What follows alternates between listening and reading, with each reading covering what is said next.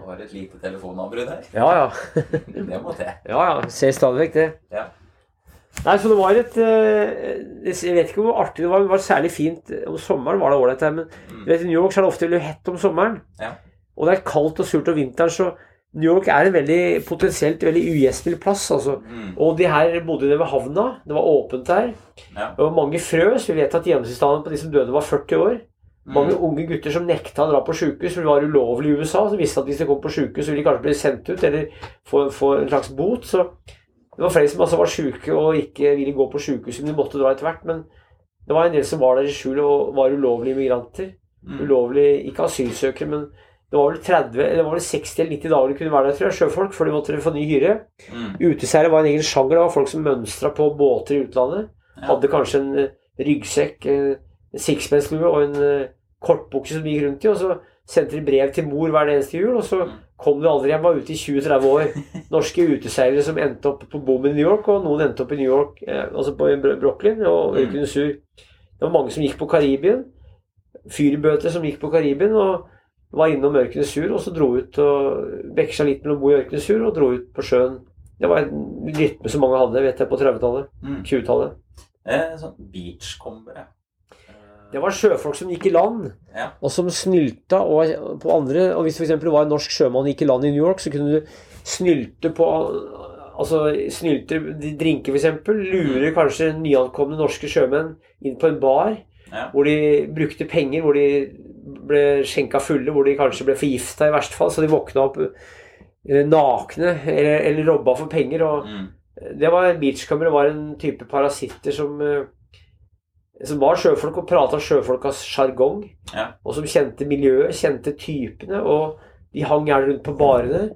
Hadde kanskje gått i land, og det var noen som reiste rundt og var beachcombere i ulike byer. F.eks. Antwerpen, Genova, Buenos Aires, eh, New York, San Francisco og New Orleans. Der var det Mm. beachcombere som, som pe pendla mellom de forskjellige byene Mm. og var beachcombere, og det var nordmenn overalt. Det var jo norske sjømannskirker òg, så Ja. det var en egen type, de beachcombera som eh, var frykta, for de var jo noen luringer. Men de som var gode, var jo flinke til å sjarmere folk. Og ofte ville jo nye norske sjøfolk i en by ville ha nordmenn som viste seg rundt, som kunne byen. Mm. Så det var noe med at de var eh, Det var spesielle typer, ja. Ja. Artig, interessant fenomen. Ja, ja, ja. Det- vil jeg tro. Ja. Eh, Du nevnte Carl Holm. ja. Kan du snakke litt mer om han? Han var fra Ålgård. Han jobba i noe som het Betesta, norske slummisjon i New York der. Og han var vel egentlig ansatt for Han jobba gratis, tror jeg, og arbeidsledig. Og han var eh, religiøs. Mm. Han gikk rundt og forkynte. Han gikk rundt og hjalp de norske. Jobba 15-16-17 timer om dagen. Og hvis noen døde, eksempel, hvis noen drukna, hvis de fant en død nordmann, Mm. eller noen mente var nordmann, så kunne han identifisere dem. Så han var en reddende engel for mange. Og han eh, var jo vestlending. Ålgård er jo Rogaland. Og han eh, var en veldig bra person. Mm. Han var i Ørkenen Sur over 500 ganger Ja. og skrev dagbok, så jeg har fått tak i dagboka til Carl Holm. Så da jeg skrev boka, så var jeg over i New York og møtte barnebarna som da var 80 år. Så han er en viktig person i boka, og viktig for å forstå Ørkenens Sur. For han, han skrev også dagbok og organiserte mye av hjelpearbeidet. Mm. Han var norsk, men var eh, innvandrer, altså utvandrer, og, og var eh, i perioder arbeidsledig og hadde tid til å jobbe hele dagen, så han fikk vel kanskje noe kompensasjon for det. Men det var norsk slummisjon, altså det var misjon blant eh, nordmenn. Og det betyr at de ikke bare spredde ordet, men de var å hjelpe dem med husrom på noe som het Bethesda. Mm. Der kunne sove 175 mann på flatseng hver eneste kveld. Og så Ja. var det andakt, og så var det mat. Der var eh, nordmenn inne, og der jobba nordmenn, så nordmenn kunne komme et sted og få norsk hjelp hvis de endte på bommen eller endte og var som hjemløse. Og Carl Holm han definerte Ørkenesur, Ørkenen Sur, og uten Carl Holm hadde ikke Ørkenen Sur vært som den var, og uten han hadde ikke vi lagd den boka, for han hadde som sagt en dagbok og tok masse bilder, så det er masse bilder av mennesker som, som døde i Ørkenens Sur, som han hadde, som barnebarnet hadde. Ja. Jeg håper å si, altså, Når fikk du vite om dette og bestemte deg for å skrive boka? I 2006 så ringte en kar som heter Roger Kvarsvik, som hadde jobba på Sjøfartsmuseet i Bergen. Han lurte på om jeg hadde hørt om Ørkenens Sur, det hadde jeg gjort, for jeg hadde hørt navnet. Jeg visste ikke noe særlig om det. Roger han jobba på Sjøfartsmuseet, hadde sugerør nede i historien. Mm. Så han begynte å lete opp stoff, eh, fant masse stoff. Han skulle skrive boka sjøl, det fikk han ikke til. Full jobb, vanskelig å skrive bok når ikke har lagd bøker før. Og Mm. vanskelig å ikke ha eh, tid til å gjøre det på heltid, sånn som jeg delvis har. Jeg jo, var lærer, altså, men jeg hadde mulighet til å være med på heltid enn Roger, så vi bestemte oss for at jeg skulle skrive boka. Og han skulle samle stoff, og jeg samla stoff, jeg òg, så vi, vi gjorde det sammen. Mm. Ordet er mine, men han, han er viktig. Uten han hadde det ikke vært en bok. Nei. Boka kom i 2010. Vi var over to ganger. Roger var over to ganger, jeg var over én gang. 2008 sammen med Roger. og vi gjorde masse research på noe som heter Brooklyn Historical Society, altså et stort arkiv. Det bor jo i hvert fall tre millioner i Brooklyn, så det er et stort arkiv. Også. Ja. Det kunne vært et eget land. Så i antall innbyggere, så der var vi og fant masse stoff. Og hadde en veldig fin tur over hvor vi så Ørkensjø. I dag er det jo ba idrettsbane, bade, badebasseng. Det er idrettsbane, og Ikea ligger like ved. Så vi møtte jo barnebarna til Carl Holm. Satt på Ikea og spiste kjøttboller. De satt i lusekofte og snakka norsk og amerikansk om hverandre. Mm. Så det var morsomt. Så Roger han eh, er hjernen bak boka, men eh, han trengte hjelp. Også det syns jeg var moro. Så vi fikk jo lagd flere bøker sammen, han og jeg. Men det begynte med 'Ørkenens hur'. Ja. Eh, Jeg tenkte på Altså, var det en mye type egen slang innafor Ørkenens hur'? Det var jo sjømannsslang. Ja, ok. Og det er én ting. Og sjømannsslang er jo et språk som styrbord, babord og kahytt og dørken. Og så har du det her norsk-amerikanske slangen, eh. Så, og så var det mange som bodde i utlandet, brukte jo engelske ord, uavhengig av hva som var slang. Så det var nok et språk som var veldig prega av eh, at karer hadde vært i utlandet. Ja. At det var eh, dialekt, ja, men at det òg var slang i tillegg. Mm. Kommer fra Karmøy og Haugesund og Bergen og Larvik, så er det klart at folk da er, har helt forskjellige dialekter. Men de prata òg den der sjømannsslengen og brocklonesiske som nordmenn gjerne gjorde i New York på den tida her. Det er sånn som Jeg sier jo kaffe Ja, istedenfor kaffe. Er Ja. det type en avart av noe sånt nå? det vil jeg tippe, ja. Altså, det, det var nok veldig få som snakka vanlig riksmål i Ørkensur. Altså, Ja. det var ikke mange fra Oslo der. Nei. Det var folk fra Oslo, men det var, det var, det var en herlig blanding av norske dialekter med slang, og sjømannsslang er jo et eget språk, var jo et eget språk, og det her var jo på 20-tallet, så det var helt annerledes enn i dag. Det, det, det språket som gutta prata i Ørkensrud, fins jo ikke i dag, sannsynligvis. Vil jeg tippe. Jeg kjenner ingen som prater, rent, i hvert fall. Jeg prøvde å gjengi noe av det i boka, så Ja. det er litt eh, forsøk på det. Jeg holdt på å si, altså Jeg tenkte litt på de der i hyttene. Altså, Var det noe standard i det hele tatt, eller var det bare du bygde med det du hadde? I begynnelsen bygde med det de hadde, men etter hvert så ser jeg at det kom ordentlige hytter. Hvis- viste de bildet i boka av trehytter, og så fikk tak i planker. Ja. De kom opp fra bakken, så at det ikke var så rått og bløtt på bakken, for det er jo ofte bløtt på bakken. Så det ble bedre standard etter hvert. I begynnelsen så var det folk som bodde i tønner, altså. Ja. En som bodde i en gammel skipspipe, han het Olsen. Eh, og det var jo folk som bodde så enkelt at du ikke skulle tro at det gikk an, men når de hadde bodd der, de hadde ofte god tid og samla materialer, så kunne de lage og få hjelp av snekker eller være snekkerkvinner sjøl. Så fikk de hytter som var ganske bra, og som sagt, noen hadde til og med innlagt vann, noen hadde blomster, noen hadde grønnsakhage, Ja. noen hadde til og med gardiner i vinduet. Så det var alt mulig rart, og standard ble bedre etter hvert, sånn som det ofte er i brakkebyer. Mm. Var det jeg håper å si, var det litt sånn sitt eget eh, lille økonomisk system hvor du bytta ting? Det var veldig, med byt, hverandre? De bytta veldig mye. Bytta mat, bytta Ja. tjenester.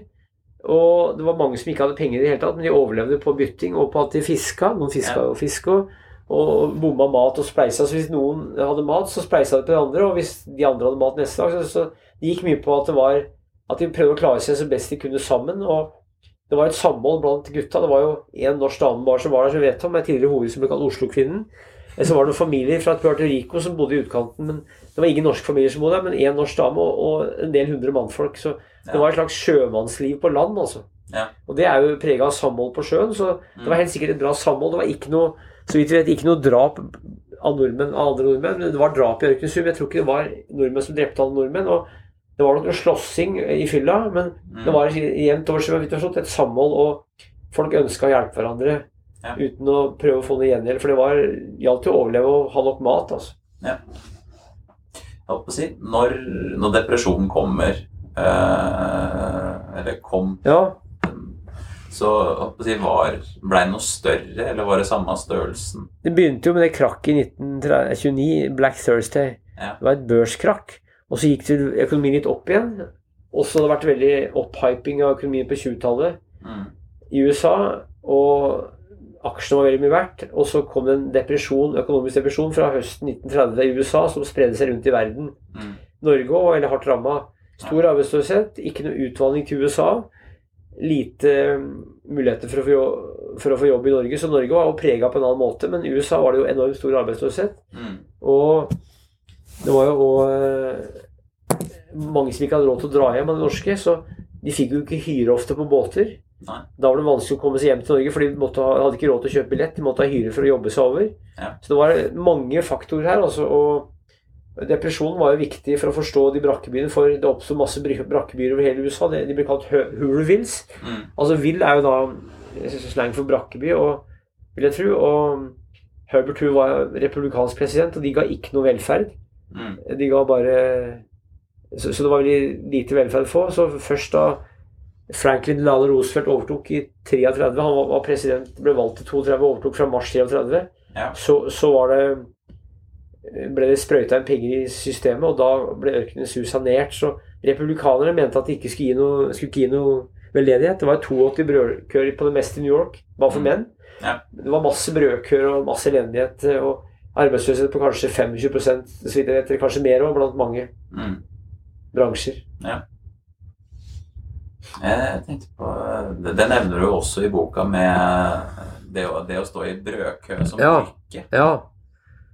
Flere som drev med det, de sto i brødkø, og sto i brødkø på vegne av andre. Ja. Og det var jobben var å stå i brødkø og vente kanskje noen tre-fire timer på å få brød. Og så gjorde de det, og så gikk de til en annen brødkø, og noen sto i flere brødkøer. Og hvis det var 82 brødkøer i New York, så var det nok køer å stå i. Ja. Da har du nok å holde fingrene Ja, ja. Så det var et yrke, og det var noen som kanskje da Flere som dro nytte av at en kar fikk brød, og de Mm. delte seg imellom. Så en klynge f.eks. i Ørkenens kunne sende ut en kar til en brødkø, eller sende ut brød, karer i brødkø flere, flere steder. Mm. Og ha, kanskje ha fem-seks mann som sto i brødkø. Den dagen så fikk de bra med brød. Ja. Så klarte de seg den. Ja, ja, eller den uka kanskje hvis de fikk flere brød. Larsens Bakery, de store norske bakeriet i Broccoli som hadde sju-åtte filialer, de, eller seks-sju filialer, de kom til Ørkensur og kunne delt opp til 50 brød. Mer enn det òg. Napoleonskaker og gamle kransekaker, men særlig brød Ja. som var uferskt, det ble delt ut i Ørkensur. De kommer der hver onsdag hver søndag, i hvert fall på søndag. De kom én-to ganger i uka i årevis. Larsens Bakery Mm. og delte ut. Og det var viktig, og det ble sendt over boksmat fra Norge òg. Det ble samla inn mat blant de norske brokkene, og penger fra de norske brokkene ble gitt til gutta.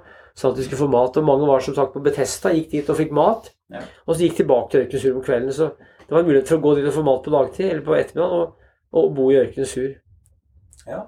Du nevner en person som heter Greven. Ja. Han var en av de første som flytta inn. Flytta vel inn ca. i 3-24, og han tålte alt. Han drakk seg aldri i hjel. Mange drakk seg, for at mange fikk jo alkoholskader og ble blinde. De hadde dårlig moonshine, dårlig hjemmebrent. Altså. Det var jo forbuds i USA. og Aldri vært så mye drikking som da. Men han drakk mye, og han eh, drakk vel nok til at han ikke Nok til at han var kanskje Jeg vet ikke om han var alkis, men han drakk ikke så mye at han døde, for han, han tålte alt. Ja. Og bodde der i mange år. Greven står bilde av i boka. Han ble bare kalt Greven. Jeg vet ikke hva han het, men han ble kalt Greven. Mange Mm. som hadde klengenavn der. Statspresten, ingeniøren, Greven. Flere navn var det òg. Ja. Var det sånn så Hvordan fikk du de kallenavnene? Det var vel mer det at han var en slags greve. altså Han var ikke kongen av Ørkensjø, for det var Erling Olsen, han var borgermester. Men Mm. greven var en type som hadde vært der lenge, og Ja. han eh, var en av de første som bygde hytte der. og Han var en slags småkonge, kanskje det er navnet greven, jeg vet ikke. Det høres logisk ut. Ja, gjør det. gjør det, ja. Var det noe Altså jula, var den noe annerledes enn andre tid? Vi feira jul så best de kunne, og det hendte at Amerikabåten ga kaker til gutta i Ørkensjø, og da gikk det rykter i lang omkrets om at nå er det kaker å få. så det står et omtalt et um, julemåltid i boka der, hvor Mm. hvor folk hadde gått langt fra New Jersey og hørt rykter om at nå er det norske napoleonskaker og kransekaker og krumkaker å få i Ørkenesur. Mm. For det var stort eh, julebord på, eller stor buffé på båten. Og de ga det de hadde til overs like før. Og du vi vet jo det at flere av de som kom, de forspiste seg, for de hadde ikke spist noe særlig kaker og hadde ikke spist noe særlig mye på lenge. Så Mm. fikk de masse kaker som forspiste seg og kasta opp og ble dårlig i magen av det. Så det var ikke bra det å spise mye hvis de ikke var vant til å spise mye Nei. kaker. altså. Nei, ja, det, det gjelder jo det meste, da. Ja, det Spiser gjør det. for mye uavhengig av hva det er for noe, så blir det jo gærent. Ja, det gjør det. Se, har jeg, har skrevet ned mer lurt her, det er jeg helt sikker på. Um. Eh, jeg, tenkte litt på det der, de rokonkurransene. Ja, Med, det var med livbåt, var det ikke det? ja det var livbåt, ja. Ja. Hva Altså, når begynte de med det? De begynte, det er litt usikker på akkurat hvilket årstall, men Ja. det var jo noe som foregikk eh, blant eh, mannskap som var i som lå i New York. Ja. Og de hadde jo livbåter alle. Mm. Mange var jo rokyndige, så Det var store konkurranser, så jeg var litt usikker på når det begynte, men der var jo også gutta fra Ørkenes Sur med Ja. og rodde. Så, så det var jo noe stort for de å komme dit og ro, og det var masse tilskuere, for det bor jo mye folk i New York, og roing var en stor eh, Det var en stor attraksjon der, og gutta de var med i, konkurransen, og det var eh, Det var moro, det. altså Det er noen bilder fra den konkurransen, er ikke det, i boka? Jo, Ja, det er bilder av mannskapet der. Det er det, er det altså. Så det var eh, Det fins jo film vet du, fra Ørkenen Sur og fra New York og Brooklyn. Og det fins Det er laget en TV-dokumentar som ligger på YouTube, Ja. som er basert på boka mi. Men det ble filma, og jeg mener det ble filma rokonkurranse ble filma òg Ja. på 30-tallet. Men det var i hvert fall noe som skjedde hvert eneste år, og var populært både som for å delta, men de fleste som Der, ser du hvor fin hytta var, så du det? ja. Det er fin hytte. Det er Hans Hansen. ja. Så fra Karmøy, det er fin hytte. Og Avaldsnes, er ikke det? Det er fin hytte. Og det er ordentlig hytte bygd av en bra kar, snekker. Ja. Altså. Så vi fikk tak i materialer, og vi fant gjerne materialer, men, Mm. men nød lærer naken kvinne å spinne, så de lagde det de kunne av det de hadde, og det de fant. Det er klart, Hvis du kunne bygge ei hytte gratis, så var det billig å bo. ja. Da hadde du ikke noe husleie, du hadde ikke noe byggeutgifter, så det var en veldig billig måte å leve på å bo i ørkenen Sur. Ja, det er Så um, Jo, jeg tenkte på et lite Det er i boka, på side 148, Ja. Av Herman Wildenvey. ja, han var der. Ja, Han var der i 29 år, og. Eller, Nansen var der 29. Nansen var 29. Wilhelm var, var det kanskje et annet år. Jeg lurer på Wilhelm var det senere. Nansen var 29 og Wilhelm var der senere, for han skrev et skuespill om Mørkensur og dikt om Mørkensur. Ja. Nansen var der fra Han besøkte jo USA, og han eh, var der, mener jeg, mars 29. Mm. I hvert fall våren etter vinteren. Og det var jo fordi Nansen han var jo en stor mann. Er, han måtte jo besøke Ørkensur og se på de norske gutta, for det var en kjent sak at det bodde mye nordmenn der. For nordmenn var jo, mente at de var litt bedre enn de andre. Ble kalt squareheads. Det Var firkanta i huet og firkanta kanskje mentalt, jeg vet ikke. Men så det var en skam at nordmenn bodde på en søppeldynge, og særlig mange av de som kom til New York, var jo fra Sørlandet og Vestlandet, fra bibelbeltet. Mm. Det var ekstra skamfullt at det bodde folk til og med noen som var alkoholikere. Det var ikke, ikke alle som var alkoholikere, i Ørkensund, men noen, var det så det var en slags borte på den norske Brooklyn. Ja. Likevel prøvde de å hjelpe, og vi vet at Misjonen var der hver eneste helg. Mm. Larsens Bakery kom, Fredsarmeen kom, så det var hver, hver eneste helg i løpet av uka, og så kom det nordmenn til Ørkensund som ga mat, altså. Så det var, det var veldig bevissthet rundt det, og det sto i Norgesposten og Nordisk Tidende om, om ting som skjedde i, i Sur, så det var noe alle visste om, og jeg snakka med folk som levde før krigen. På film så gikk det faktisk, på kino gikk det faktisk forfilm. Den Broccoli-filmen gikk på forfilm, så det, var noen som så film i Norge på 30-tallet fra Ørkens Sur faktisk på kino. Jeg snakka med noen som levde da. Ja. Det, det var en bevissthet om det, det var- og det sto en del i norske aviser òg. Pluss at ryktene reiste med Amerikabåten. Ja. Var det i USA, så hørte folk hva de gjorde noen uker senere hvis du hadde vært på Amerikabåten. Eller Amerikabåten brakte rykter som gikk i Brooklyn. Ja. Pluss at norske aviser skrev en del om hva som skjedde der. Er det derfor det si, var så mange organisasjoner som ble organisert, eller som jobba der òg, fordi at det var så mange fra bibelbeltet som var der? Det var 40-50 norske kirker i, i hvert fall 30-40 norske kirker i norske Brooklyn, og det er klart det hadde noe å si det, Ja. jeg tror. Eh, det var ca. 6000 nordmenn på det meste i Brooklyn, og det ble kalt, eh, i New York det ble kalt Mysoskolonien. Eh, 8. Avenue ble kalt Lapskaus Boulevard. Ja. Og du trengte ikke å snakke engelsk for å bo der, for det var så mange nordmenn. Det var egne norske begravelser, norske frisører, norske restauranter, Mm. norske kafeer, norske det, det meste innen norsk altså, var Ja. i Brooklyn. og Det var 60 000 innbyggere, og det var jo en stor by i Norge på 1920-tallet. Mm. Ja, nei, for jeg bare tenkte, kunne du lest det diktet? Ja, jeg vil med. Ja, skal. Ja, det har du tatt med i boka. jeg har gjort det. Her, ja. 32 var han og 34 ikke 29. To, ja, ja, og forfatteren Herman Wilmer besøkte ørkenen i 32-34. Resultatet ble hjerteskjærende poesi. Han skrev en prolog for Intime Teater, oppførelse av eh, Til Sæter til inntekt for trengende, og leste under forestillingen i, i Matra Hall i Brooklyn 1.12.1934. Overskudd tilfalt den norske amerikanske kirke- nød- nødhjelp. Ja.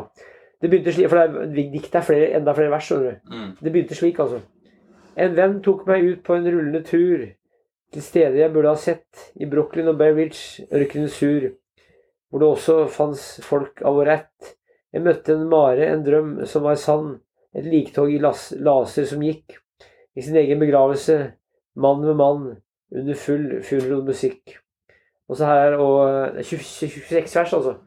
Her, er- her er tre av 26 vers. Nå skal vi ta det, et av de et til. For Mm. det er bare tre av de 26 versene som står i boka. Jeg driver under Hoover City, en avfallsmark med noen skur. Sier min sjåfør, det er vel vittig å kalle dette ørkenen sur. Jeg hadde hørt om Hooverstaden, den angikk Brooklyn, det var sant. Den lå jo i en utkant av den, som fryser på en skjørtekant. Vi stanset opp, jeg ville se det. Og her bor det folk i bingevis, i bingevis, det passer stedet. Her bodde folk som gris ved gris.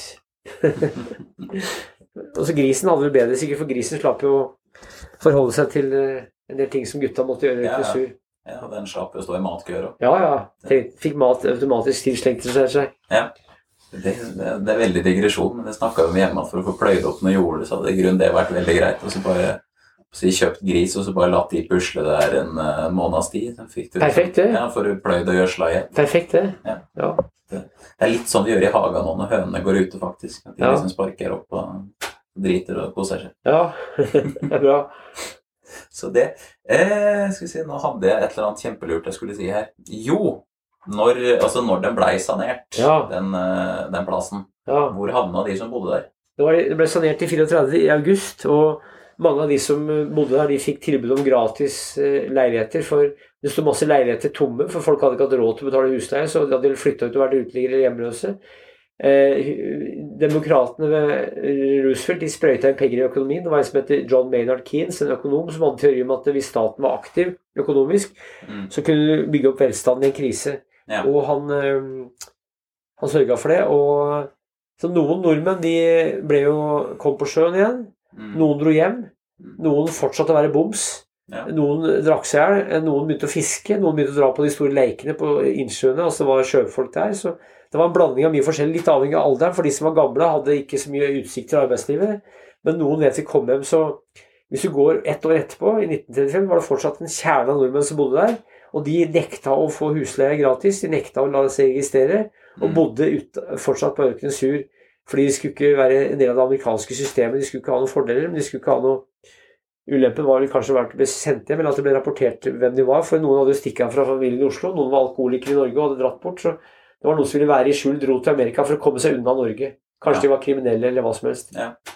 Eller holdt på å si, hadde, ikke hadde så fryktelig godt rykte hjemme. og- Ja, ja, ja. ja og, og hvis de ble registrert, så fikk um, kanskje mora eller kjæreste eller familien greie på det. Det ville ikke. Nei. Det var et poeng at de skulle være borte. For det var vel også en greie også hos alle sjømannskirkene, at det var gratis å sende brev.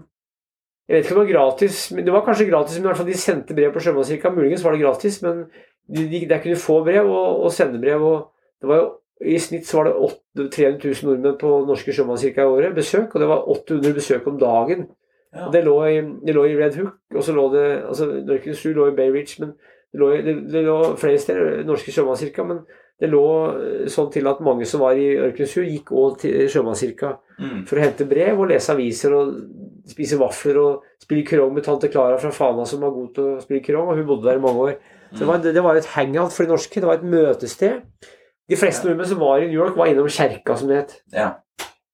Så tenkte jeg bare skulle avslutte med håper jeg, å høre- kalle det tease litt neste episode med Magnus Wolff Larsen. Magnus Wolff Larsen han bodde i Ørkenes Sur en periode. Han bokser og litt av en type, Ja, så han er artig å prate om. ja. Ja, Det er bare å holde seg fast, så kommer den snart. det er bra.